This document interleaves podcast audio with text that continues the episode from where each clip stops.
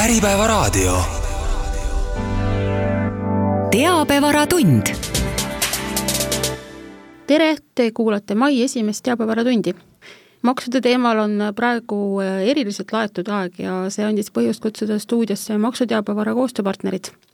mina olen teabevara vanemtoimetaja Heidi Saar ja maksudest on kõnelema tulnud KPMG maksuvaldkonna juht Joel Tšernask, tere Joel! tere! ja KPMG maksunõustaja Einar Rosin. tere! Tere! KPMG on niisiis maksuteabevara koostööpartner. ja sissejuhatuseks tuletan meelde natukene, et, et Einar, sina käisid koos KPMG maksunõustajate Ene-Liis Lisoviki, Jaanus Martini ja Olga Lavrovaga teabevaratunnis viiendal jaanuaril siis rääkisime sellest, mida alanud aasta või, võib ja võiks tuua, palju sõltus sellest, mida toovad valimised, nüüd on valimised möödas ja maksudest on korraga saanud hetke kuumim teema Eestis, võib lausa nii tunduda.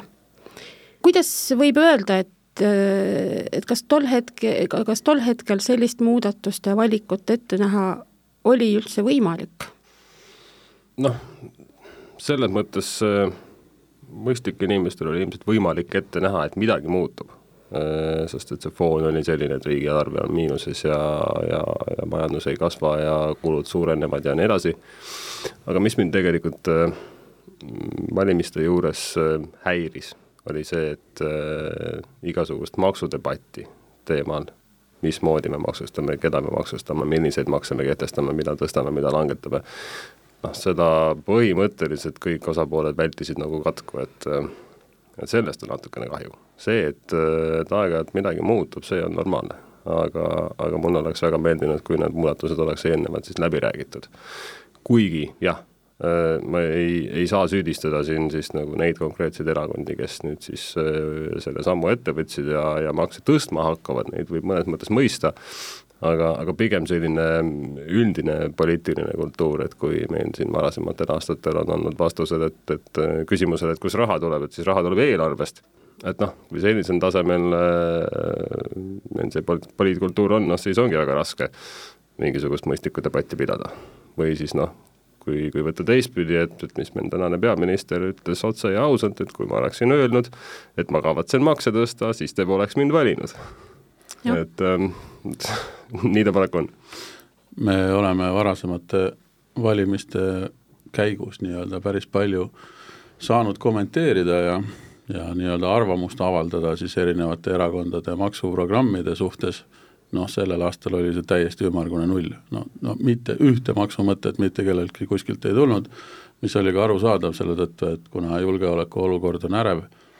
siis noh, see on inimestele nii-öelda äh, hetkel äh, mõneti nagu olulisem ja, ja noh, see on kindlasti selline noh, teema, kus, äh, kus siis äh, erinevate erakondade esindajatel on ka nii-öelda erinev usalduskrediit siis valijate silmis. ja see oli, oli, oli valdkond, mille peal on, oli nagu hea purjetada siis valimisprogrammis ka selles mõttes, et ega siis inimesed rumalad ei ole, kõik saavad ju aru, et, et, et riigi rahanduslik seis ei ole hea ja kes iganes nii-öelda siis koalitsiooni moodustama oleks asunud, siis igal juhul raskeid otsuseid oleks tulnud teha. Äh, noh, see tänane nii-öelda olukord äh, näitab seda nagu väga hästi, et et noh, taaskord on ju, mis ongi demokraatia puhul normaalne, et, et koalitsioon versus opositsioon, et noh, opositsioon ütleb, et no loomulikult absoluutselt kõik on vale, mida praegu muuta plaanitakse ja noh, ega nüüd päris kõigele alla kirjutada ka ei saa, et kõik nüüd nagu jumalast õige oleks, aga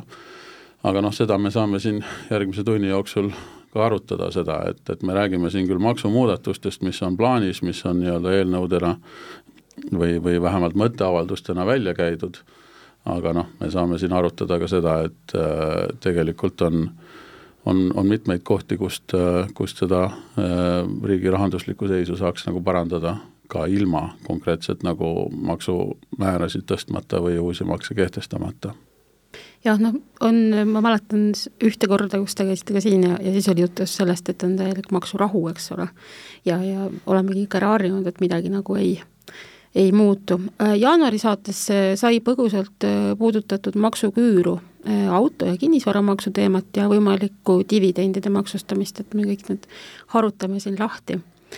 alustame maksuküürust, mis oli kõige selle, see oli see, mis võib-olla ka veidi siin valimistel tuli siiski välja, isegi mitte veidi, ma ütleksin, et, et minu kõrvu jäi see küll päris palju, et, et see oli ka mitme erakonna selline valimisteema. et kuidas te nüüd hindate, et kas see on võimalik, et see läbi läheb koos kõikide teiste teemadega või ka eraldi ja, ja kuidas see mõjutab siis maksumaksjat ja riiki? no maksuküür on see põhimõtteliselt see puut-, puudutab ju seda seitsesada eurot kõigile võrdselt maksuvaba tulu. et äh, noh, see on tead natuke selline asi, et, et äh, kui oleks teadnud kedagi, kes teaks kedagi, kellele see vahepealne süsteem nüüd nagu meeletut tuska või piina oleks valmistanud, siis võiks ju sellele nagu kaasa elada, aga pole nagu kursis selliste inimestega eriti, et, et loomulikult äh, kui, kui maksustamine on seatud selliselt, et selles äh, eksisteerib nagu ebaõiglus, eriti kui see on kuskil nii-öelda keskel ja, ja niisugusel äh, noh, nii-öelda laiapõhjalisemal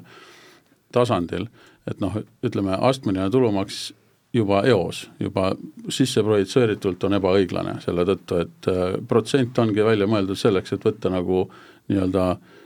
proportsioon siis millestki kui see on suurem, siis see proportsioon on ka suurem ja ka absolu-, absoluutväärtus sellest kasvab. et igasugune progresseerumine tegelikult on ju eos nagu äh,, nagu ebaõigluse sissejoonistamine, aga ebaõiglust ei saa võtta ainult nagu matemaatiliselt, vaid õiglust tuleb nagu võtta nii-öelda ühiskondlikult ja, ja, ja, ja ja on teatav nii-öelda baastase ja niisugune hügieenitase, mis, mis nii-öelda peab olema inimestele kindlustatud selleks, et hoida nii-öelda rahu maa peal. ehk et äh, selles mõttes äh, maksustamine ei pea alati olema õiglane, ta peab olema nii-öelda mõistlik, äh, et, et tagada riigi toimimine ja tagada inimeste nagu normaalne heaolu ja tagada ka seda, et ta ei oleks äh, liiga koormav, et inimesed ei hakkaks otsima alternatiivseid lahendusi. Nüüd see maksuküüru teema, noh, ütlen ausalt, et mina ei tea, mis probleemi me sellega lahendame, selle tõttu, et, et, et see on kindlasti nagu vähem oluline kui see, et, et, et saada nii-öelda noh, noh, näiteks kas või ettevõtte tulumakski äh, stabiilsemalt laekuma, mille alternatiiviks tegelikult ju või mille jaoks loodi kunagi see neljateist protsendiline madaldatud, alandatud tulumaksumäär, et lihtsalt eh, noh, nii-öelda soodustada julgustada siis ettevõtjaid nii-öelda äh, rohkem dividende maksma, mida nad võib-olla ka tegid, aga noh, see on nagu kindlasti suurem selline nii-öelda nagu koht, millele tähelepanu pöörata, kui see, kui see maksuküür, Einar, mis sina arvad? No mulle see maksuküüru retoorika ei ole tegelikult nagu väga meeldinud. Et noh, ma ei, ei ole päriselt nõus, et see on nüüd maailma kõige suurem pro-, probleem, millega meil maksusüsteemis tuleb tegeleda, jah, ta oli alguses rakendamisel natukene selline segadust tekitav ja, ja võib-olla mõne inimese jaoks nagu raskesti mõistetav. aga noh, need probleemid tänaseks suuresti on, on ära kadunud. teine asi on, on see, et noh, kui keskmine palk äh, aasta-aastast äh, järjest tõuseb, äh, siis, siis see hulk inimesi, keda see maksuvaba miinimum reaalselt puudutab, jääb aasta-aastalt vähemaks. ehk siis noh, see oleks mõnes mõttes olnud nagu probleem, mis ennast ise ära lahendab ajapikku, kui see on probleem. ja, ja noh, teistpidi noh, täpselt nii ongi, et, et need inimesed, kes on juba sealt sellest küürust üle saanud, nende jaoks ei ole see enam üldse mingisugune teema. et ähm, ma olen jah, selles mõttes natukene üllatunud, et, et see maksu nii-öelda küür on, on siin on, nii tugevalt tähelepanu saanud, aga kui nüüd minna edasi selle ettepaneku juurde, et siis kõigile seitsesada eurot maksuvabaks, siis noh, valijana, kodanikuna pere peale, mis mul selle vastu saab olla, eks mm. -hmm. aga, aga see on natukene niisugune kui nüüd valimistele tagasi mõelda, siis, siis mulle tulevad meelde kuidagi need äh, Araabia muinasjutud, kus äh, sai džinni käest midagi soovida. ja, ja see on täpselt niimoodi, et, et kui sa soovid siis selle seitsesada eurot maksuvabalt, siis selle sa ka saad, aga seal on alati mingisugune konks juures. ja, ja praegu mulle tundub, et see konks on siis selles, et, äh, et, et selle, selle hüve kinnimaksmiseks tuleb siis teisest, teisest otsast äh, tulumaksumäära tõstma hakata. Kas see on hea või halb, see on nüüd nagu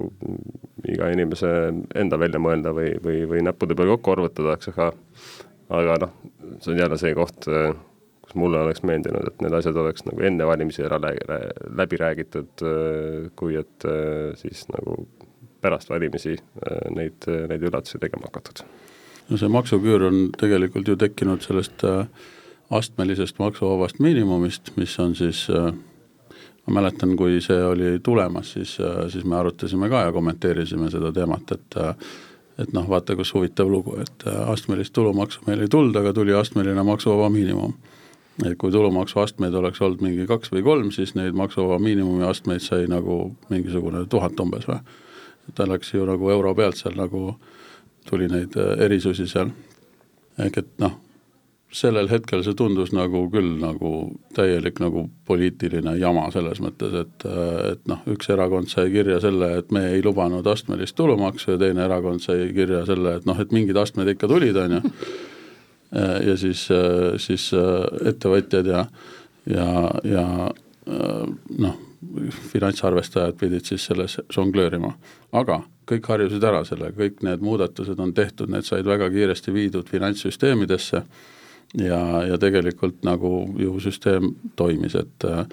et noh, nüüd ongi see, et kõigile maksuvaba miinimum äh, seitsesada eurot, äh, siis ka need inimesed, kes äh, saavad kõrget palka, saavad selle maksi-, maksuvaba miinimumi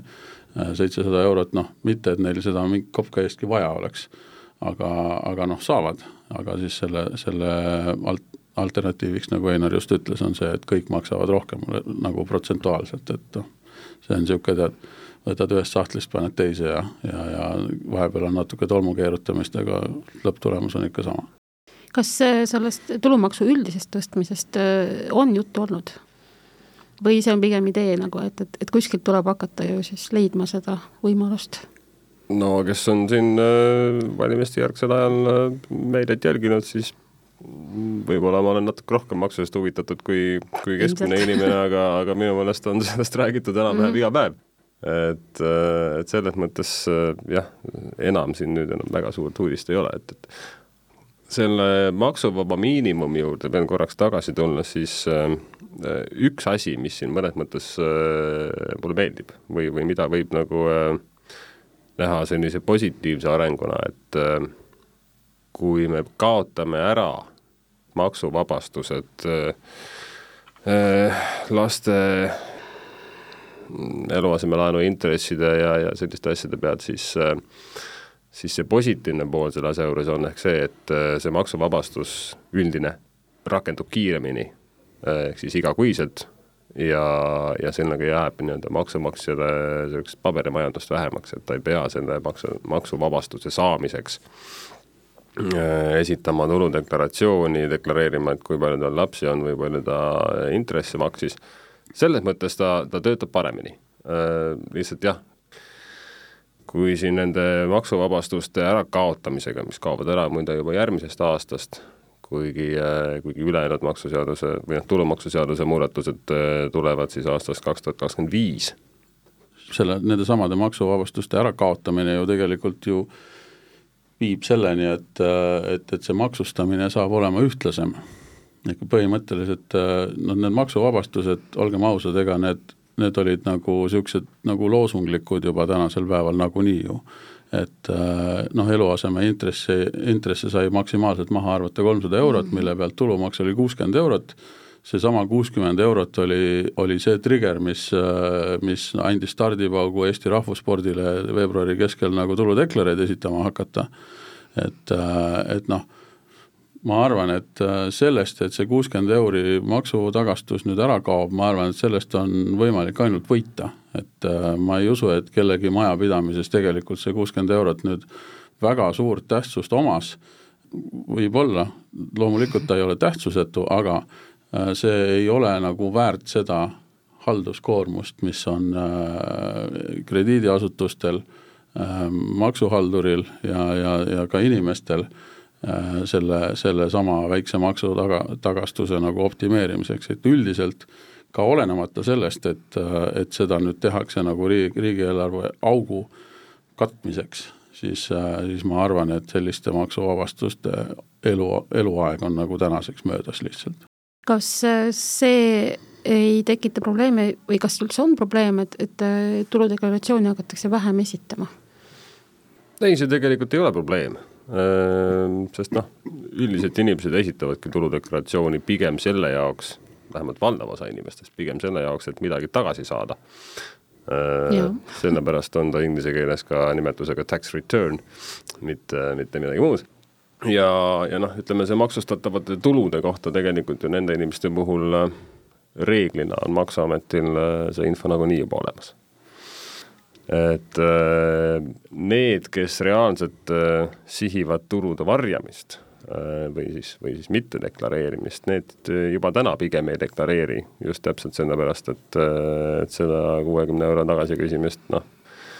kusagil on ka see ahnuse piir, et võib-olla ei maksa nagu äh, liiga palju torkida mm. -hmm. jah, kui me räägime siin nagu nendest alandustest või vabastustest, mis ära kaovad, siis kui me hüppame korra ettevõtte tulumaksu poole peale, siis üks planeeritud, planeeritud muudatus on see regulaarselt ja välja makstud dividendi äh, ulatuses siis madalama maksumäära rakendamise ärakaotamine, ehk siis äh, eksisteeris meil ja tänagi eksisteerib selline olukord, kus kus kolme aasta keskmise dividendi ulatuses saab rakendada maksumäära neliteist protsenti, siis kahekümne asemel aga see, sellele, kui eraisikule dividende makstakse, siis lisandub äh, veel seitse protsenti kinnipeetavat tulumaksu, mis siis põhimõtteliselt tõstab maksukoormuse ikka sinna kahekümne protsendi peale. nüüd äh, selle muudatuse ärakaotamist ma tervitan nagu kahe käega, sest et see on nagu algusest peale olnud täiesti mõttetu. see on, äh, see on olnud paberil ilus, sellepärast et neliteist protsenti on vähem kui viisteist protsenti, mis oli maksumäär Lätis ja Leedus, aga selle, selle nii-öelda toimimismehhanism on olnud täiesti äraspidine. ehk siis põhimõtteliselt on see julgustanud ettevõtjaid dividende maksma, viima ettevõtlusest raha välja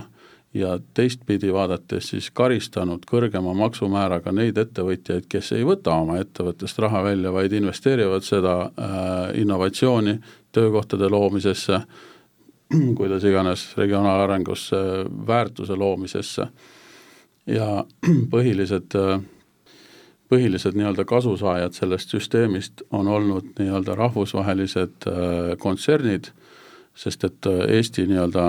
aktsionäril, osanikul on ikkagi rakendunud mingil, mingil hetkel see seitse protsenti kinnipeetav tulumaks, aga rahvusvahelistel kontsernidel äh, seda siis ei ole olnud, nemad ongi saanud siis nautida seda neliteist protsenti maksumäära ja no nemad on nagu sihtgrupp, kellel seda absoluutselt kõige vähem vaja on. Ehk siis see on nii-öelda nagu investeeringute meelitamiseks äh,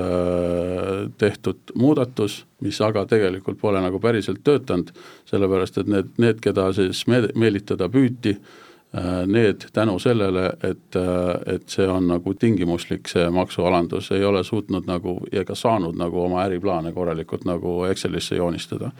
ehk et äh, noh, maksunõustajana naljakas öelda seda, et, et mulle meeldib maksualanduse ärakaotamine, aga tõepoolest, see on nagu äh, toonud väga palju rohkem segadust, kui see asi on olnud väärt ja, ja nii-öelda äh, kasu loonud sihtgrupile, kes seda kõige vähem vajab. Kas ei, ähm, ütleme niimoodi, et ei peleta neid suuri välismaiseid firmasid meilt minema ei, ma arvan, et see ei peleta neid minema, et, et kui ma enne saate alguses ütlesin, et on teisi kohti, kust, kust võiks seda maksuaugu katet otsida, siis tegelikult needsamad kontsernid ongi need, et Eestis on kümneid kontserne, kontserni ettevõtteid, kellel on väga suur jaotamata kasum, see kasum tegelikult on kas laenatud või deponeeritud emaettevõtete juures, ta istub Eesti ettevõtte bilansis, ta teenib siia ka intressitulu, kõik on nagu justkui normaalne, aga noh, päriselt seda raha nagu ei ole. ja tegelikult, kui me mõtleme tänapäevast nii-öelda maksumaailma ja üleüldse maailma, kus, kus nii-öelda vastutustundlikkus, CSR, ESG on märksõnad, mis, mis täna on nagu väga suure tähelepanu all ja, ja eriti nagu börsiettevõtete ja, ja nii-öelda kõrge maine, mainega noh, nii-öelda kontsernide ja, ja turuosaliste puhul, siis astuda läbirääkimistesse nende ettevõtjatega ja leida äh, see mõistlik balanss, kui palju nad võiksid oma jaotamata kasumit siis siin Eestis jaotada selles ulatuses, mida nad saavad siis emaettevõtte tasandil krediteerida, et neil ei tekiks nagu täiendavat maksukulu, ma arvan, et see oleks nagu väga võimalik, ma olen iga nädal, ma päris iga päev ei saa öelda, aga iganädalaselt olen nagu äh, ühenduses äh, ja räägin ja, ja suhtlen, käin külas, käin lõunatel ettevõtjatega, kes, kes selliseid ettevõtteid juhivad ja neil ei ole mitte midagi selle vastu nagu, et et seda oma bilanssi siin vähendada, lihtsalt miks nad ei saa seda teha, on see, et nad ei taha nagu liiga suure portsuga seda korraga maksta, sellepärast et seda, seda kõike ei pruugi olla võimalik nii-öelda emaettevõtte tasandil nagu äh, topeltmaksustamist vältida. ehk et, äh, et noh, see on, see on see põhjus, aga, aga noh, siin on siin on tegelikult ilma igasuguseid maksumuudatusi tegemata riigil äh, suur võimalus tegelikult nagu maksutulu teenida, lihtsalt olles nagu mõistlik ja, ja rääkides läbi turuosalistega, et, et, et kas ja kuidas me nüüd sellest nagu keerulisest olukorrast läbi tuleme, selle asemel, et siis lihtsalt nagu Excelisse paar protsenti juurde kirjutada ja vaadata, et oh, näed, tulemus läks palju paremaks. ma loodan, et võetakse seda kuulda, Einar, sinu seisukoht selles osas? Jaa, mulle tundub tegelikult, et lähiaastatel äh, maksude mõttes läheb ettevõtetel ikka, ikka märksa raskemaks, sest et noh, sisuliselt tõusevad kõik maksud, mida vähegi tõsta annab, et äh, kui siit sellest paketist praegu on silma jäänud, et, et räägitakse tulumaksust ja käibemaksust, noh, mis tegelikult ongi kaks kõige suuremat ja olulisemat, äh, sotsiaalmaks sinna juurde võib-olla veel, aga selle kasutamine on selline sihtotstarbeline, et võib-olla jääb natukene paketist välja noh, siis tegelikult äh, noh, sealjuures on veel äh, aktsiisid, millest konkreetses paketis on praegu äh, juttu ainult tubaka ja, ja vist ka alkoholiaktsiisist mm, -hmm. eks, aga me ei saa ära unustada, et kütuseaktsiise või ütleme laiemalt siis energiakandjate aktsiise ei tõsteta selles paketis ainult sellepärast, et need otsused on juba varem ära tehtud. ja, ja need Äh, maksutõusud äh, on ka küllalt sellised märkimisväärsed. lisaks oli meil suhteliselt hiljuti äh, maa hindamine, mis omakorda toob kaasa siis maamaksu tõusu ja, ja kui otsida, siis võib-olla neid asju leiaks veel, ähm, mis võib-olla ähm, ütleme siis nagu mitte siis nüüd ettevõtja, aga siis nii-öelda palgasaaja vaatepunktist äh, kindlasti mõnedele inimestele natukene kukalt kratsima paneb, on see, et järgmisest aastast äh, tekib ka võimalus äh, teha teise samba pensionisse siis äh, senise kahe protsendi asemel kas siis neli või kuue protsendi või kuueprotsendiseid sissemakseid. et noh, kui, kui inimesed võib-olla tegid mingisuguseid kalkulatsioone ja prognoose mõttes ja, ja leidsid, et see on mõistlik, siis võib-olla nende uute plaanide valguses see enam nii mõistlik ei ole, sest et äh, et äh, kui sul ühelt poolt hakkavad hinnad tõusma sellepärast, et käibemaks tõuseb ja et aktsiisid tõusevad ja, ja teiselt poolt äh, justkui jääb seda raha vähemaks, äh, mille eest siis need hinnatõusud kinni maksta, siis võib-olla see kogumispensioni mõte jääb sinna kuhugi tahaplaanile esimeseks. Jah, see on küll täitsa tähelepanuväärne mõte, sellest vist ei ole nii palju räägitud, eks ole me rääkisime just äh, maksutõusudest nagu terve selle saate esimese poole, aga just sellest äh, poolest, mis puudutas nüüd äh, pensionisambasse võimalike suuremate sissemaksete tegemist, mis võib jääda siis lihtsalt tegemata. jaa, noh kui selliseid näiteid veel otsida, siis üks selline koht, mis üsna eredalt silma paistab, on erisoodustused. kui me täna vaatame, et kui tööandja annab äh, töötajale erisoodustusi, siis tema maksukulu kogu selles äh, või noh, kuludest kokku on niisugune ligikaudu viiskümmend protsenti. pärast neid maksumuudatusi, äh, mida meil siin kavandatakse, on see juba kindlasti üle viiekümne protsendi ja noh, numbritega on selline tore asi, et neid võib vaadata ühtepidi ja teistpidi ja siis nad näitavad natukene erinevaid asju, on aga noh, näitena, et kui me võtame täna selle erisoodustuse maksustatava hinna, siis tööandja maksab sinna peale täna kuuskümmend kuus koma kakskümmend viis protsenti tulu- ja sotsiaalmaksu. nüüd kui need plaanitavad maksumuudatused jõustuvad, siis see protsent tõuseb seitsmekümneni. ehk siis, kui te mõtlete, et äh, iga kulutajat saja euro peale tuleb veel seitsekümmend protsenti, seitsekümmend eurot riigile anda, siis äh, ilmselt see võib-olla natukene de-, demotiveerib tööandjaid neid, neid kulutusi tegema. teine asi, millega veel arvestada, et äh, erisoodustuste puhul on ka käibemaksukulu mitte mahaarvatav. ja kui käibemaks tõuseb, siis see omakorda äh, suurendab, äh, suurendab kulusid ja vähendab seda motivatsiooni selliseid kulusid teha. et okei okay,, erisoodustused võib-olla ei ole maailma kõige olulisem probleem, millega ettevõtjad tegelevad, aga see on lihtsalt üks selline koht, mida, mida ilmselt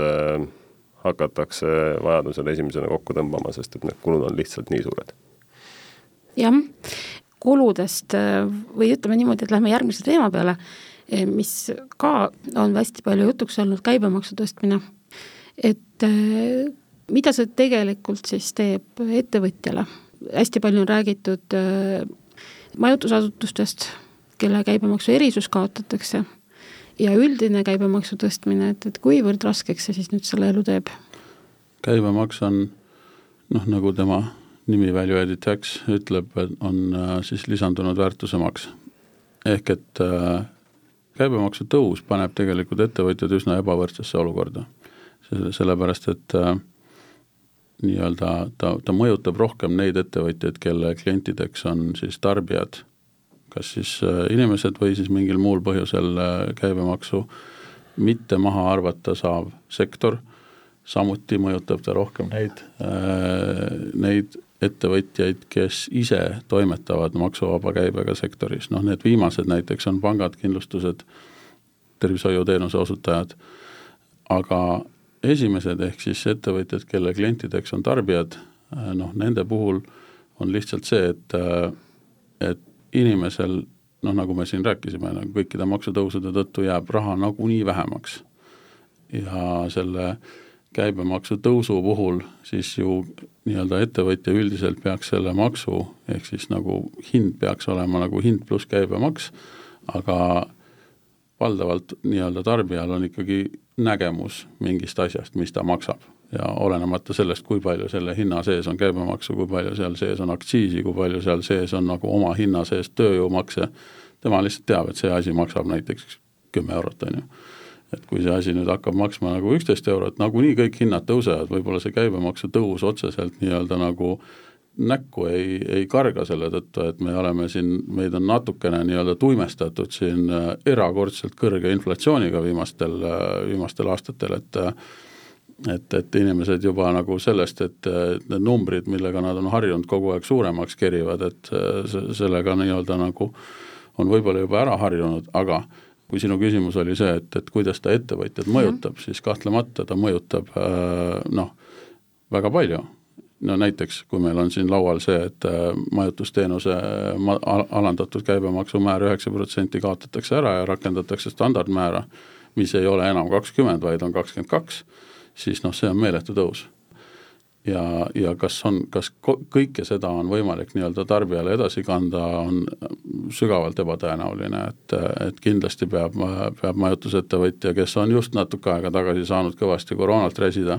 osa sellest, osa sellest maksutõusu löögist ka enda kanda jätma. kas selle peaks ära jätma, et kas riigil on üldse kasu sellest käibemaksu tõusust? ma ei oska öelda, kas peaks ära jätma, aga, aga mulle endale tundus see esimese hooga, täna enam nii, nii kindel ei ole, aga ta tundus mulle natuke sellise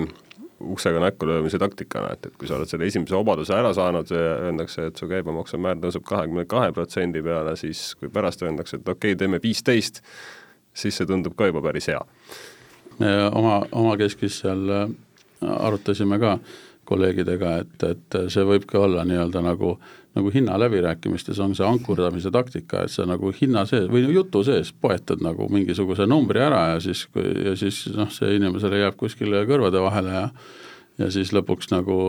kui sa nagu sellesama numbri siis välja tood, siis ta enam tooli pealt maha ei kuku, sellepärast ta justkui on seda kuskilt kuulnud juba. ja kui sa siis sellest natuke tagasi tuled, siis talle juba tundub, et, et ta on nagu võitnud midagi ehk et äh, eks see tundus jah niimoodi, et, et äh, nagu noh, lajataks nagu, nagu ikka täie rauaga ja siis, siis võtaks natuke tagasi ja siis saaks juba jälle virtuaalkrediiti koguda selle pealt, et näed, andsime järgi.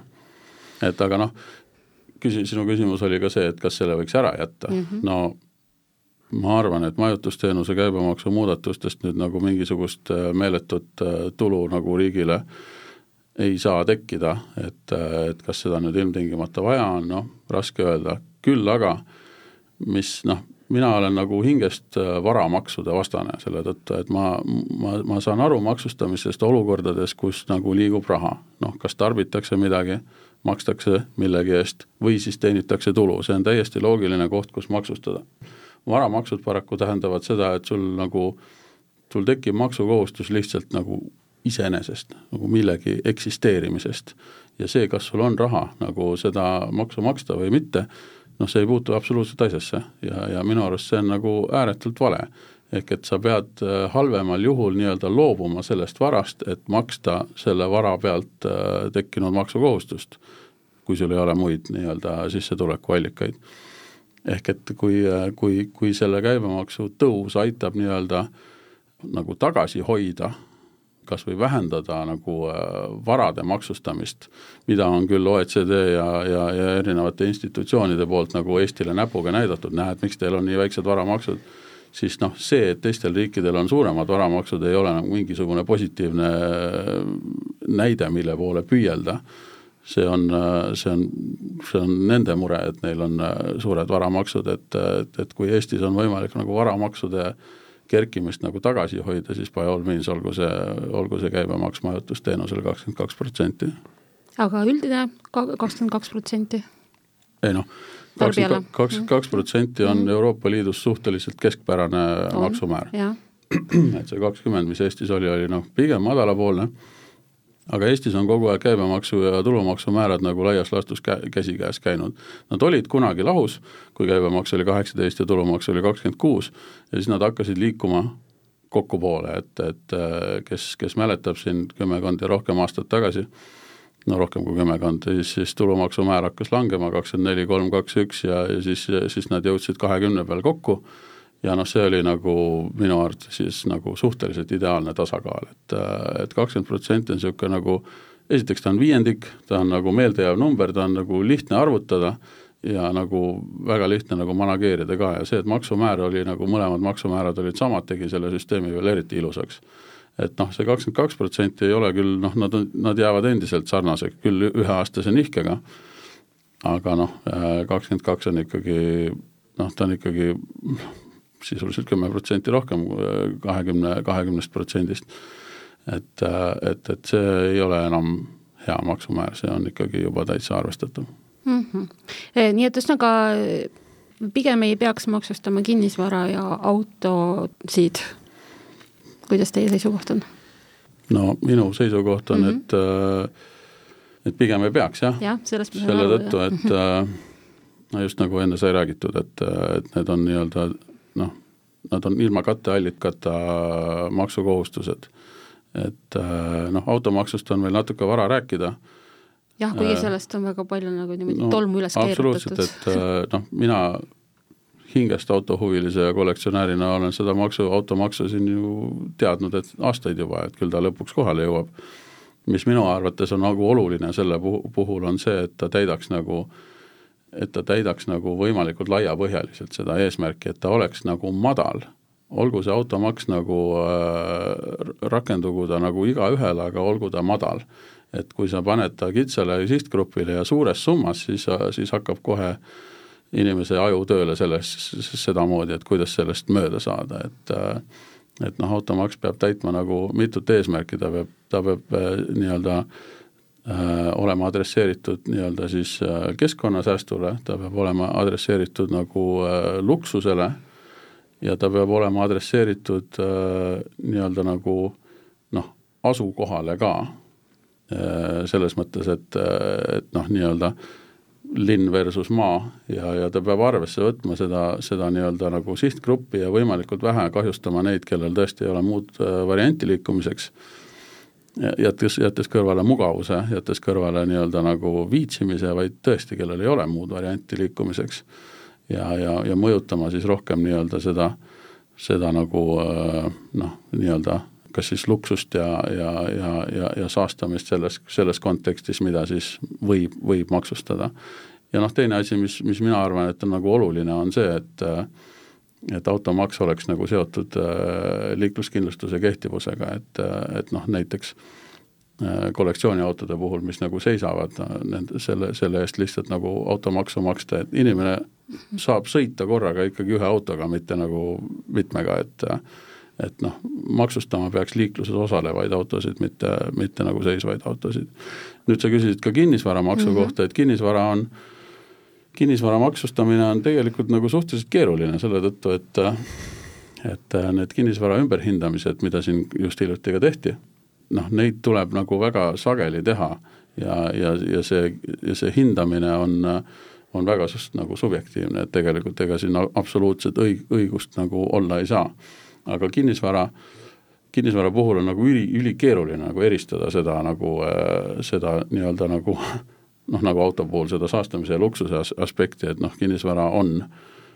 väga suures sõltuvuses äh, nii-öelda asukohast äh,, ta on ikkagi, enamasti on ta elukondlik, mille, mille pealt inimesed nii-öelda siis maksu peaks maksma. Ja noh, elukondlik kinnisvara võib olla nagu ajalooliste sidemete ja kõikide muude isiklike ja sentimentaalsete väärtustega seotud, et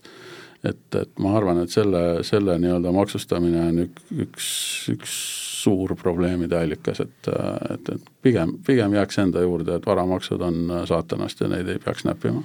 jah, ja see oleks ka üsna ebavõrdne, eks ole. jah jah, ma arvan ka, et äh, varamaksude puhul see kõige suurem probleem ongi see, et äh, kuidas teha nii, et nad oleksid ühest küljest õiglased ja teisest küljest siis sellised lihtsad ja väheste eranditega, nagu meile meeldib öelda, et äh, et automaksu puhul on see põhiprobleem nii-öelda Lõuna-Eesti Passatid ja, ja, ja kinnisvara puhul Nõmme pensionärid. On see illustratsioon, et, et noh, mõlemal puhul noh, täpselt see, mida Joel enne rääkis, et, et see Lõuna-Eesti äh, Passati lembus on lihtsalt võib-olla siis noh, natukene utreerime ka siin, eks, aga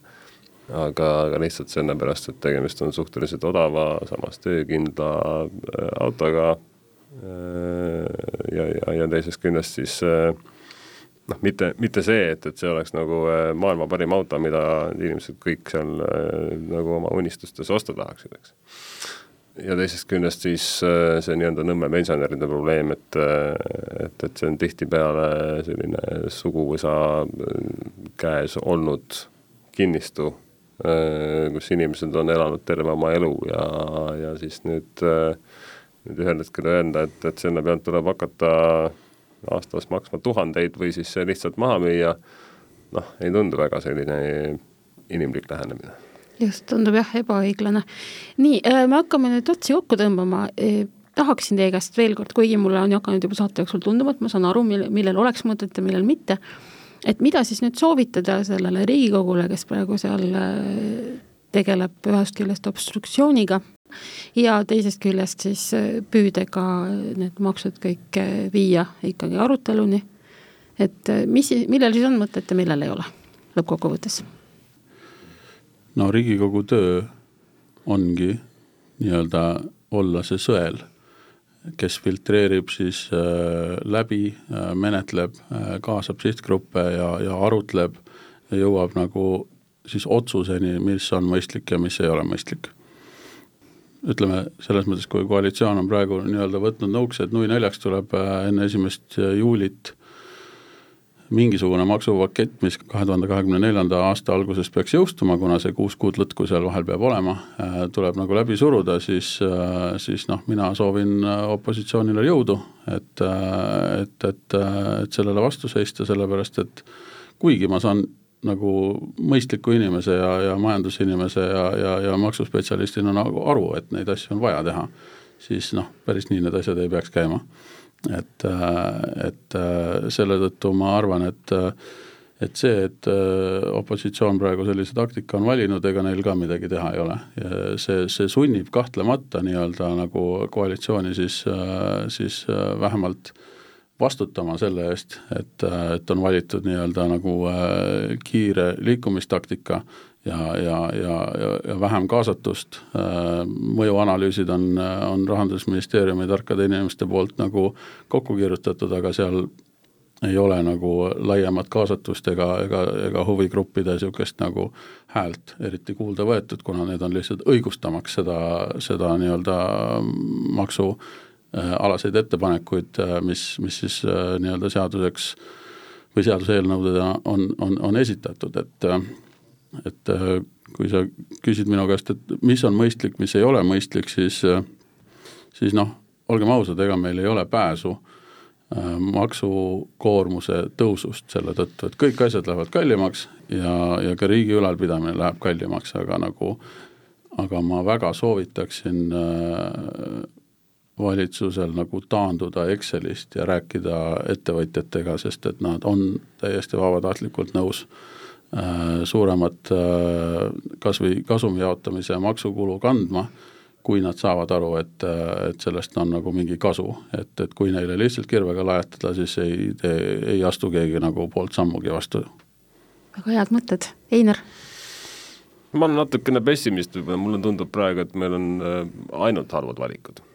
Praegu vist suhteliselt sellise uudse taktikana on siis äh, opositsioon äh, läinud seda teed, et takistab juba seda, et eelnõu üldse Riigikokku pääseks. mis ei ole kindlasti hea praktika, aga teiselt poolt äh, kohe, kui see eelnõu äh, siis äh, päevakorda võetakse, ma arvan, et ega siis koalitsioon ei jätaks ka võimalust kasutamata oma teerull käima lükata ja, ja, ja, ja need paketid nii-öelda ära koputada ja vastu võtta, ehk siis äh, mul on sellest hästi kahju, et, et sellist sisulist arutelu tegelikult ei toimu, et põhimõtteliselt ongi kaks varianti, et kas on nagu teerull või on siis mis iganes moodi seda obstruktsiooni peaks nimetama ja, ja mingisugust vahepealset varianti justkui nagu ei eksisteerigi jah, mina omalt poolt olen siis koalitsiooni poolt, eks ole, et, et loodan, et neil läheb kenasti. jah, see on, ma olen ka nõus, et, et, et arutada vast oleks tulnud rohkem, samas valusad asjad tulebki kiiresti ära teha ja siis pärast jõuab äh, nagu võib-olla harjuda noh, selles mm -hmm. mõttes see on jah, vana tõde, et, äh, et ebamugavad otsused ja maksutõusud tuleb teha kohe pärast valimisi, selleks et äh, ja. valimistsükli lõpuks on need asjad juba kõigil meelest ära läinud no,. absoluutselt. just, ja see oli ka hea mõte, mis sellest saatest välja tuli, et, et et juba on nii palju tuimestatud kõikide tõusudega, et, et noh, ütleme nii, et, et see lävi on nagu, nagu madalamaks läinud. kindlasti. jah suur tänu teile tulemast, stuudios olid KPMG maksuvaldkonna juht Joel Sernask, aitäh, Joel! aitäh kutsumast! ja KPMG maksunõustaja Einar Rosin, aitäh ka sulle! ning teabevara vanemtoimetaja Heidi Saar, aitäh kuulamast ja kohtumiseni!